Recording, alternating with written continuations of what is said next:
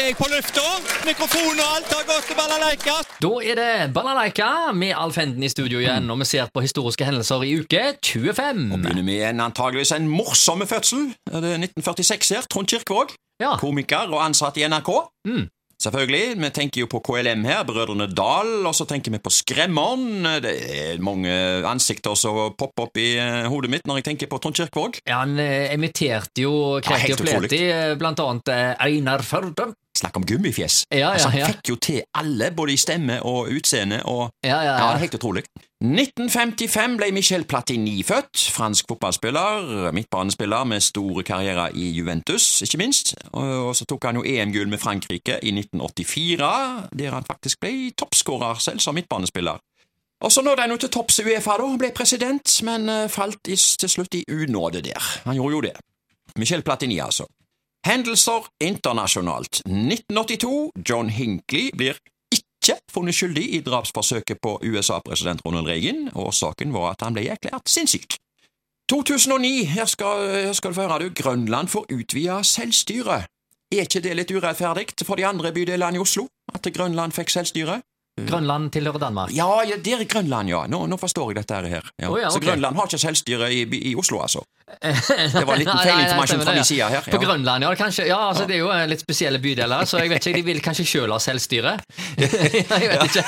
Nei. Spørre de.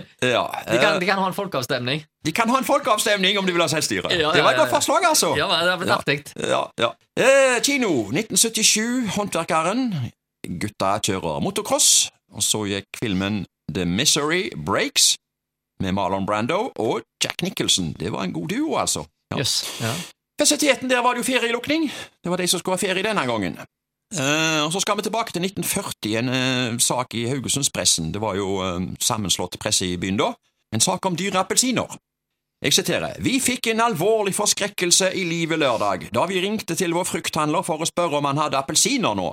Ja, det hadde han, med sine appelsiner, men prisen var 2,50 per kilo. Den lange og kostbare transporten gjør at appelsinene blir så dyre. Det partiet som er kommet her til byen, kommer fra Italia. Derfra ble de sendt som ilgods gjennom Tyskland til frihavnen i Hamburg, og derfra ble de igjen sendt med jernbanevogner gjennom Danmark og Sverige. Fra Göteborg ble det en ny jernbanereise til Kristiansand, hvor de ble omlastet og sendt med buss til Flekkefjord, og deretter omlastet til jernbane til Stavanger. En kan regne med at halve prisen går med i frakt, jeg skulle akkurat si det. Eh, Så voldsomt kronglete eh, transport som dette er, så er det ikke rart at appelsiner ble dyre. Nettopp. Og det er jo heller ikke så rart da at eh, små barn knapt nok fikk ei appelsiner til deling på jul. Det var rett og slett for dyrt. Ja, nettopp. Ja, det må jo, vi må jo tolke det der. Ja, ja, ja. Ja, så, eh, andre ting eh, fra appelsiner til vin, du. Eh, 1978. Overskrift Haugesunds Avis. Både kunder og skuelystne da polet åpnet. Ja, jeg siterer her. Tilstrømningen var omtrent som ventet da Vinmonopolet åpnet sitt utsalg i Haugesund onsdag. Det var køer foran disken i går formiddag, og utenfor var det en viss tilstrømning av skuelystne i de tidlige formiddagstimene. Bak disken var det stor travelhet med 12–15 personer som ekspederte. Lederen for Vinmonopolets butikker på Vestlandet, Adolf Vatne, mente at folk var noe tilbakeholdne med å handle den første tiden. Det merket han sist i Ålesund, da det ble åpnet ny salg der. Når utsalget i Haugesund er innkjørt, er det fem heltidsansatte og sju ekstrahjelper som skal betjene utsalget. Folk kjøpte varer for over en kvart million kroner på åpningsdagen for Vinmonopolet i Haugesund. Det eksakte beløp er kroner 247 034, får vi opplyst av bestyrer Arne Olsen. Ja, altså folkeavstemningen høsten 1977 førte altså til at Haugesund endelig fikk Pol, som altså ble åpna i juni 1978 i Kjerkegata. Og Ja. Dermed så slapp folk å reise til Stavanger eller Bergen for å kjøpe brennevin, eller djevelens munnvann, som sikkert mange tenkte om det. Ja, det var jo litt eh, Det var hysj-hysj. Ja, men det var jo eh, på fredagene da, lange køer rundt Ja. svingen og nedover gata der. Ja.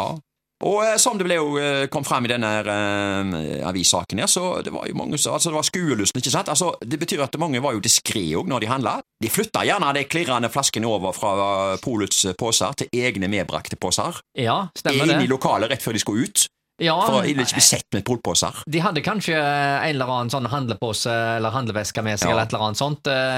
Eh, Det var, det var litt uh, skambelagt, eh, dette her. Hvis du kom gående med en polpose, så tenker Ja. du også der kommer det en alkoholiker. Ja, det, det, var, det var litt uglesett, og Ja, ja. det, det var det i mange år. Ja, det var det. Det var jo det. Men altså, det var jo køer på polet, og den gangen så var det jo en sånn svære disk så, Ja. så det med, med, med Og køer ja, bak. åtte-ti kasser.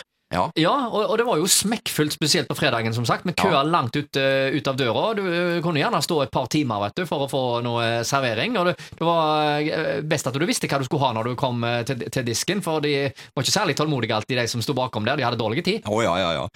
Men før vi kom så langt at vi endelig fikk polo, det har jo, var noen tapte avstemninger der òg. 1970 så ble det jo nei-flertall, eksempel. Um, Men før det så, så reiste jo Når folk skulle reise til Stavanger eller Bergen, så handla de på polet, og da var det liksom sånn at de fikk med seg lapper med fra venner og bekjente og hva de skulle kjøpe. Og Ja, ja. hvis de ikke ville handle fra venner og bekjente, så var det sånn hysj-hysj at de skulle til Stavanger. De Ja, var ja, redde for å få spørsmålet om kan du gå innom polet du mens du er der. Ja, nettopp, Så, nettopp. eh, Ja, Men sånn var det vel òg ofte, hvis du, Ja. du skulle ut og reise. Eh, Tar du med deg eh, en kartong med sigaretter eller Ja. eh, en flaske med konjakk til meg? Stemmer det. Ja, ja, ja. ja den er der ennå. Er den det? Ja, Kan du, kan du bruke kvoten på meg, liksom? Ja, ja, Hva sier du da? Nei, hva sier jeg da? Det er litt sånn så, som vi snakket om her om dagen med folk bak på sykkel. Altså, Ja. Du finner på unnskyldninger hvis du ikke har lyst til det. Nei, jeg har ikke luft i dekket. Ja, ja. ja, ja, ja, ja, ja. ikke sant? Så, Da er det bare én ting å spørre om. Ja, ok. Taxfree! Hot or no? Ja, ja, det er jo hot, da. Det er det hot. Ja,